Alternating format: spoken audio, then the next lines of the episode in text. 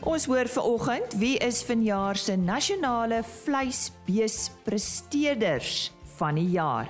Ons het uh, donderdag aan die LNR se toekenningsgeleentheid bygewoon. Frans Onels van Apex praat oor nuwe reëls in die veilingsbedryf. Ons het natuurlik wolnuus vanaf Heinrich Victor en ons gesels met die LWO werkgewersorganisasie se Abri Bronkhorst oor dissiplinêre verhore in die werksplek en ook oor die foute wat werkgewers soms tydens hierdie verhore begaan.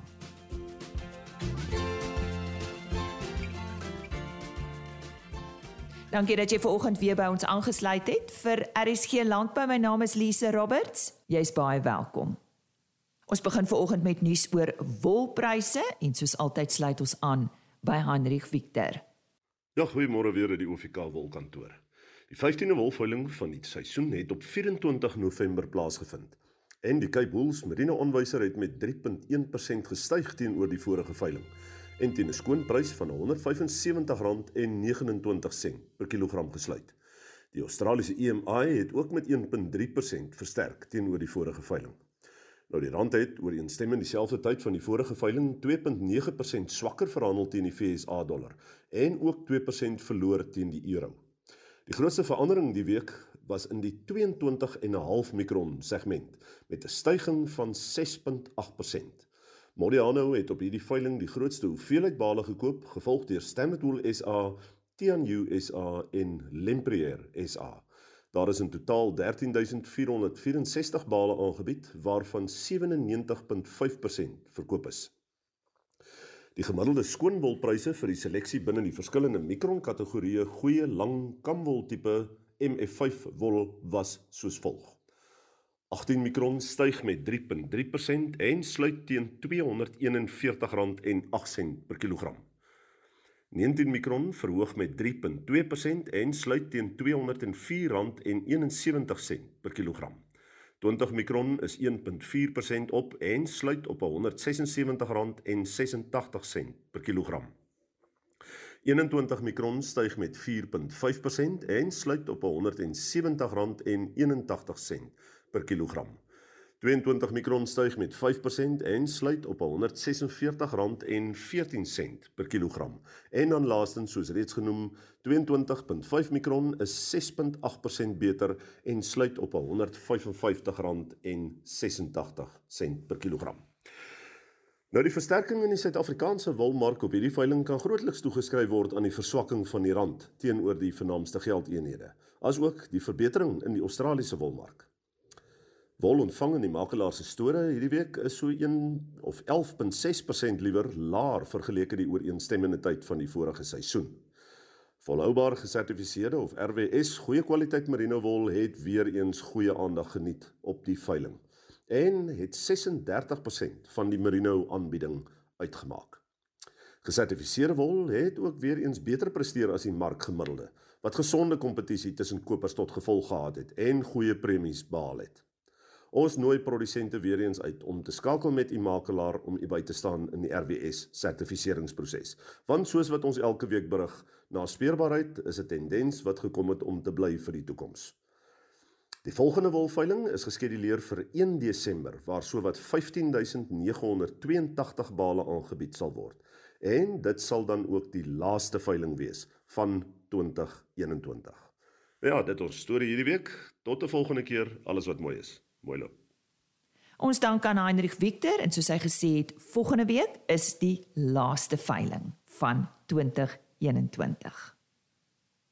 Daar is vroeër in die jaar aangekondig dat die veilingsbedryf 'n nuwe stel reëls in die gesig staar en om meer daaroor uit te vind, verwelkom ek graag vanoggend vir François Nulls van Apex. Dankie, is lekker om u te weer. Baie welkom.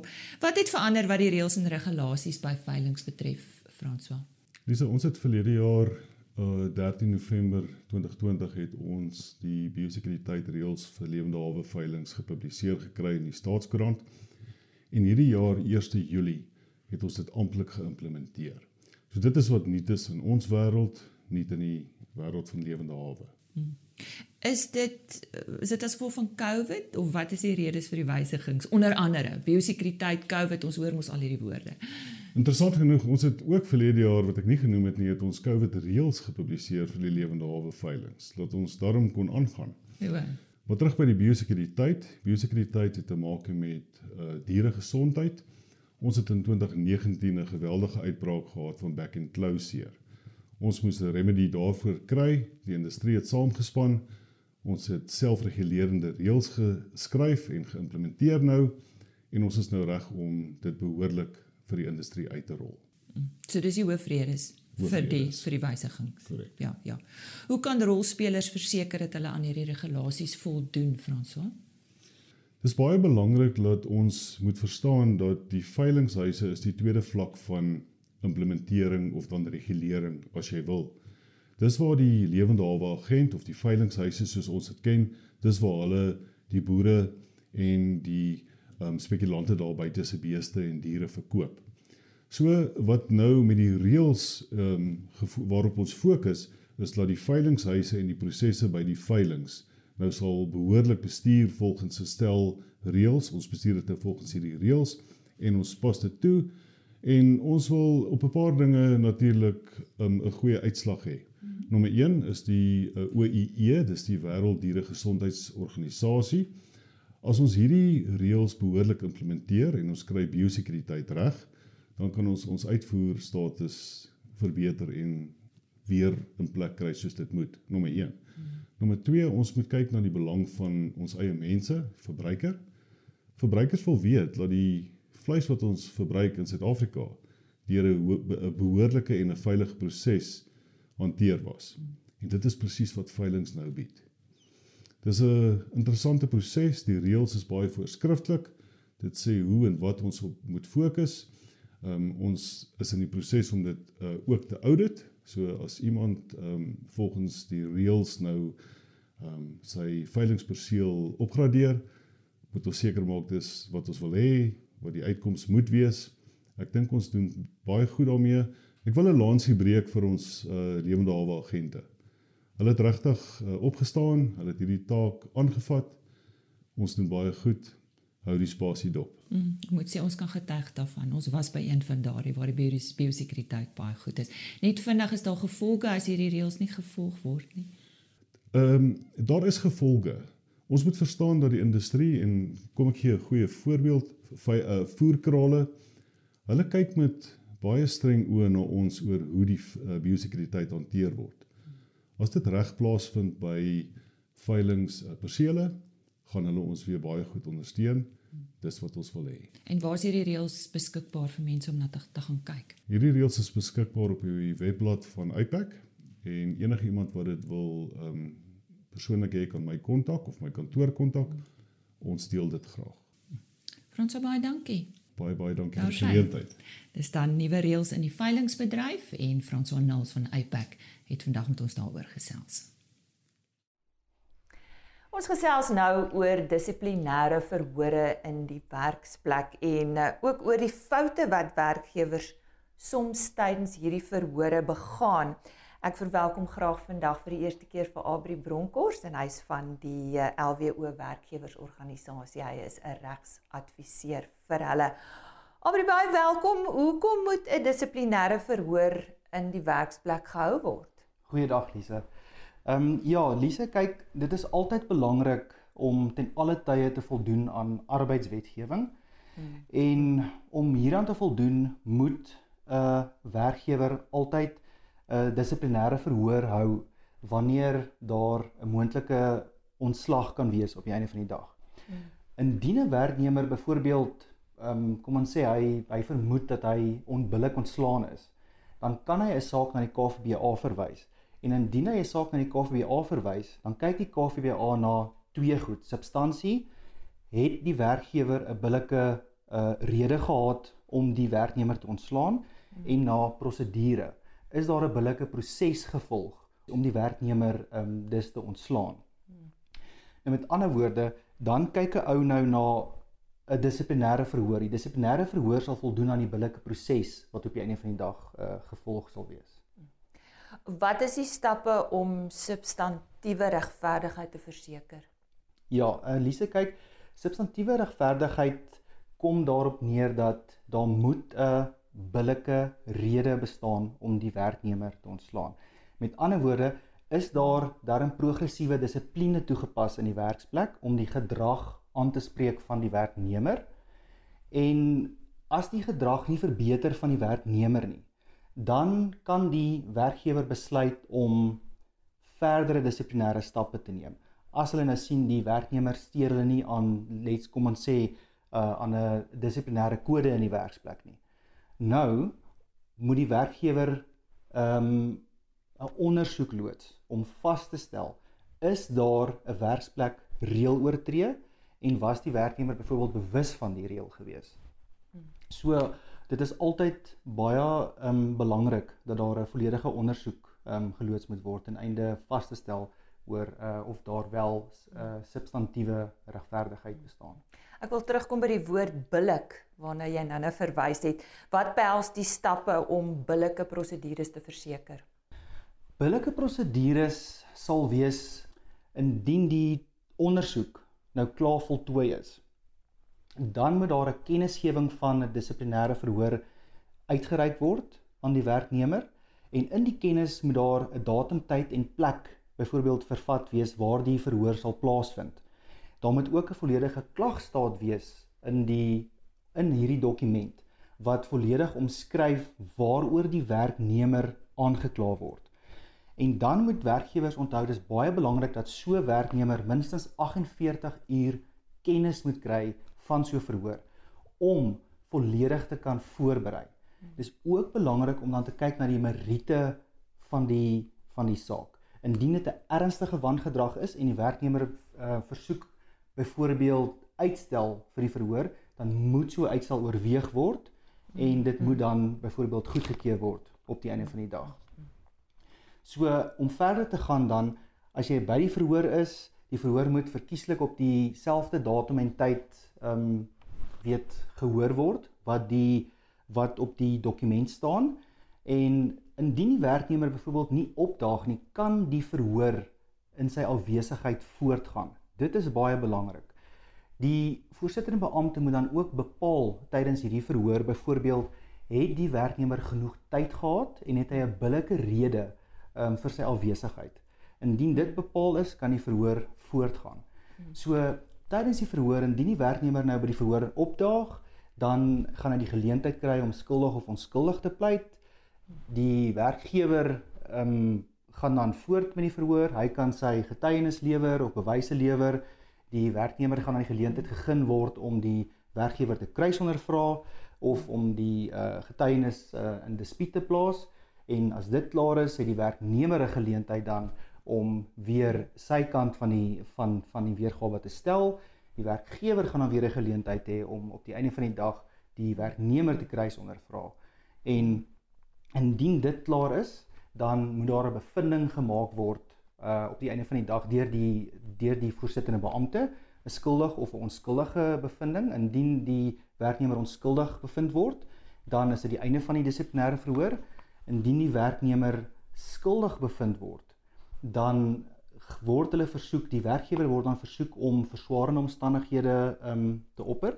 Die werknemer gaan 'n geleentheid gegee word om versagtende omstandighede te opper waarna die voorsittende beampte dit sal oorweeg en dan sy uh finale aanbeveling maak van byvoorbeeld ontslag.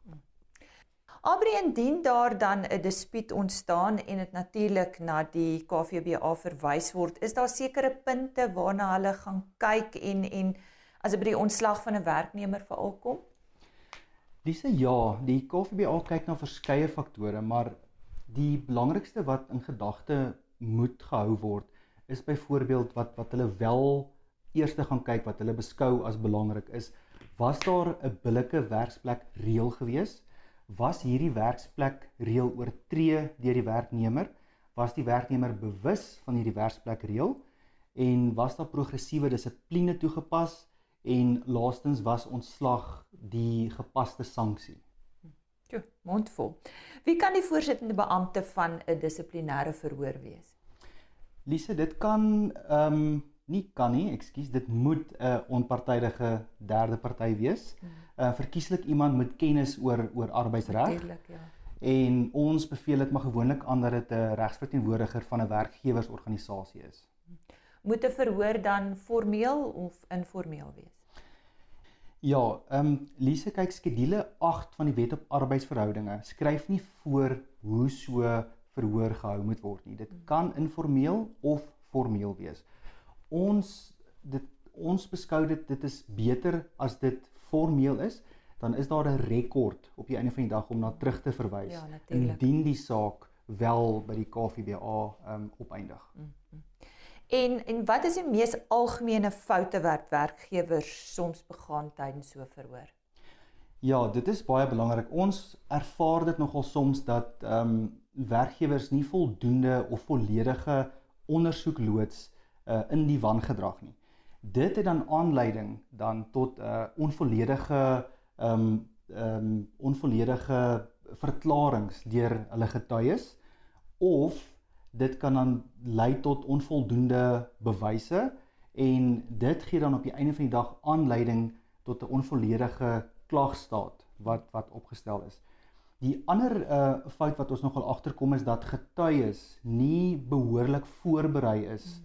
vir 'n verhoor nie. So dit gebeur dan tydens 'n kruisondervraging dan maak hulle partykeer 'n uh, onnodige toegewings ehm um, wat dan jy weet um, nadelig is ehm um, vir jou saak op die einde van die dag. En dan laastens is dit baie belangrik om te hou onthou dat jy nooit 'n vraag moet vra ehm um, tydens kruisondervraging wat jy nooit die antwoord van weet nie. So gestel as ek nou vir vir jou 'n vraag sou vra, waar was jy op 23 November 2021?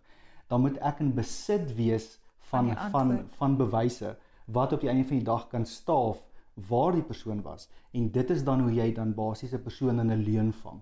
Sjoe, nou ja, toe. Indien werkgewers enige verdere navrae het oor dissiplinêre verhore en dit wat daarmee gepaard gaan, sekerlik met julle in verbinding tree? Ja, hulle kan ons gerus in verbinding tree. Hulle kan ons webtuiste gaan besoek by www.lwo.co.za of hulle kan 'n e-pos stuur na info@lwo.co.za. Abri, dankie vir jou tyd. Ek is seker ons gaan jou weer in hierdie stoel sien in 2022. Baie dankie. Ek sien vreeslik uit daarna. Daar sy. En so sê Abri Bronkhorst van die LWO werkgewersorganisasie en net weer daardie webtuiste www.lwo.co.za. Al die besonderhede is daarop.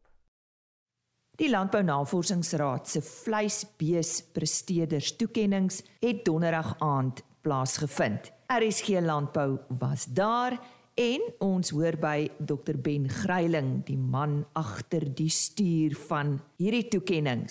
Wat het vanjaar vir hom uitgestaan? Ja, ek dink daar's 'n heel hele paar uh ander goedes hierdie jaar. Ek dink uh, daar was heelwat meer inskrywings hierdie jaar terloops. Heelwat meer.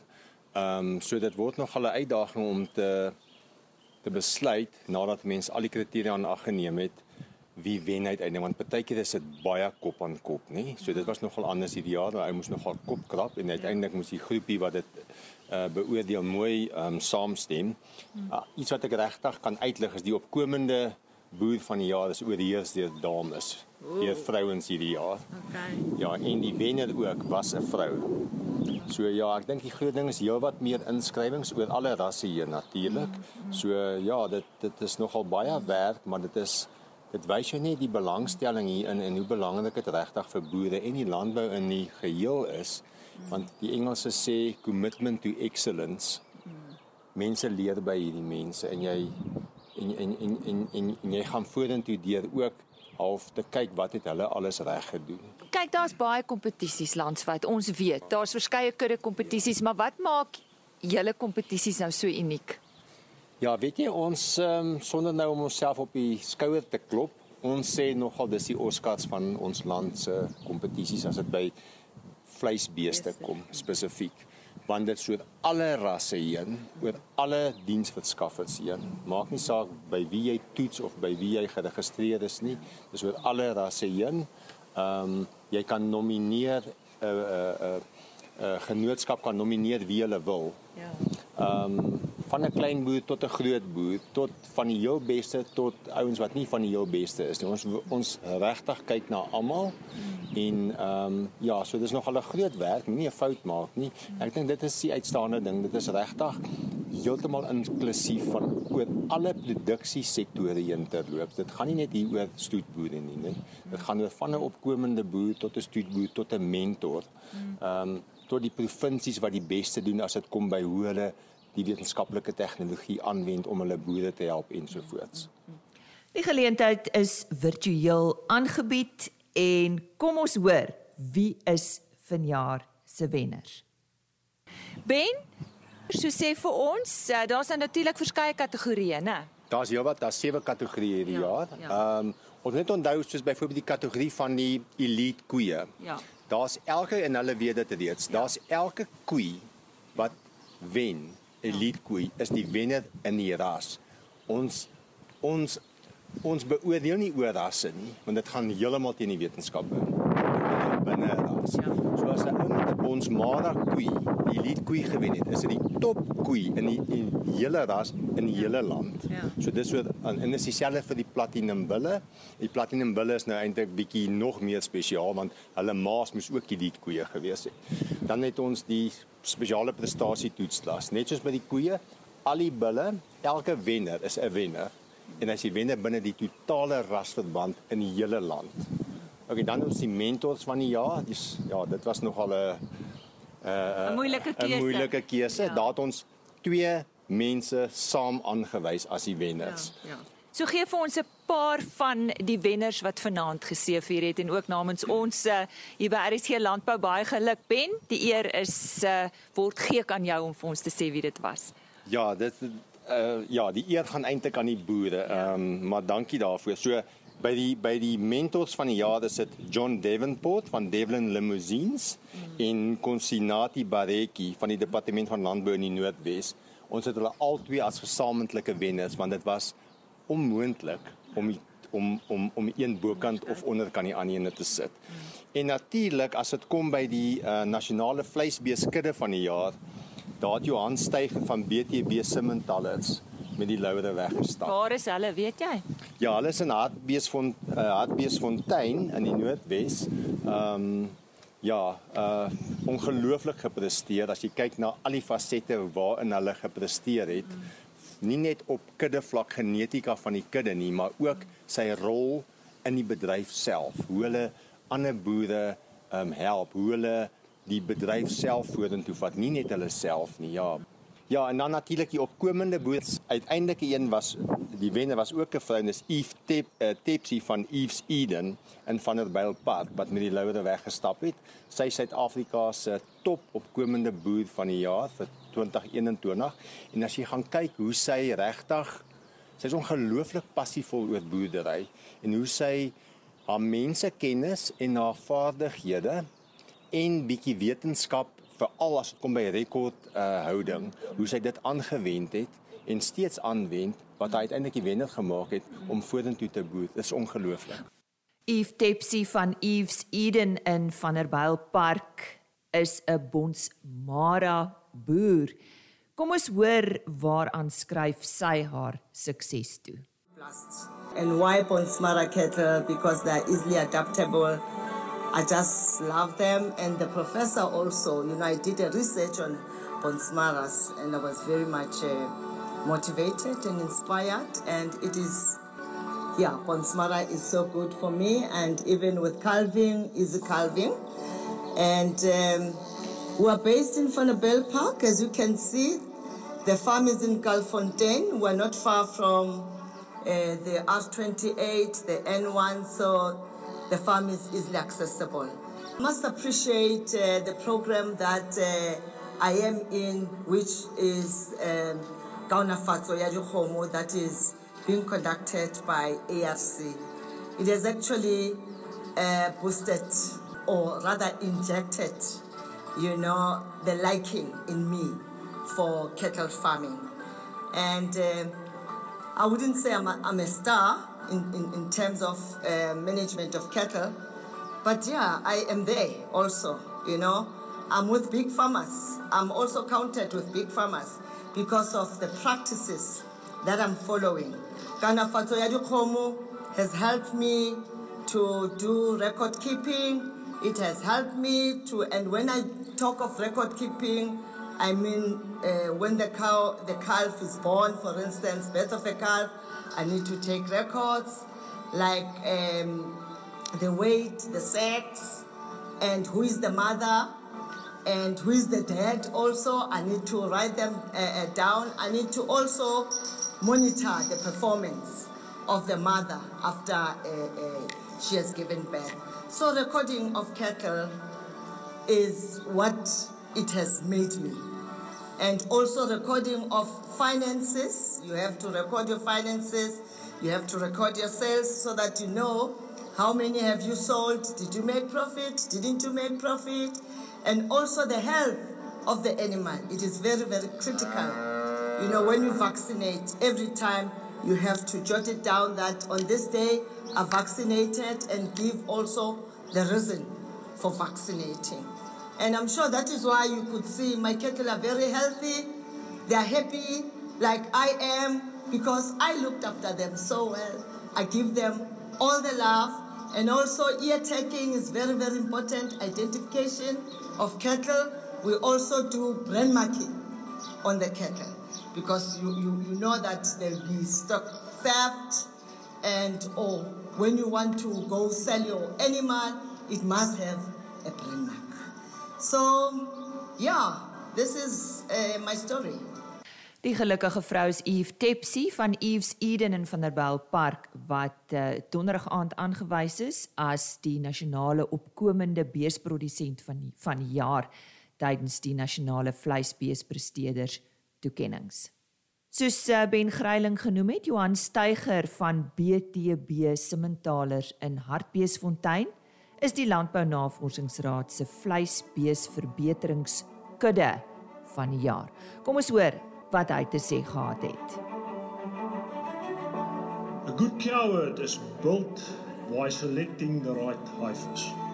We spent lots of time in doing those matings uh, with the breed plan system allows us to in interrogate the different breeding values and see the guesstimate the outcomes by using the breeder's index.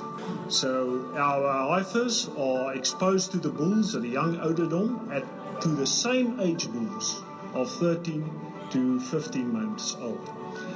You then have the opportunity to identify the bulls that show a dominance early in the beginning and as we DNA proof uh, uh, dam and sire on the whole herd we can see which is those bulls that are early maturing and dominant, which is the type of bulls that we want to use in our herd and pass those genetics on to our bull customers.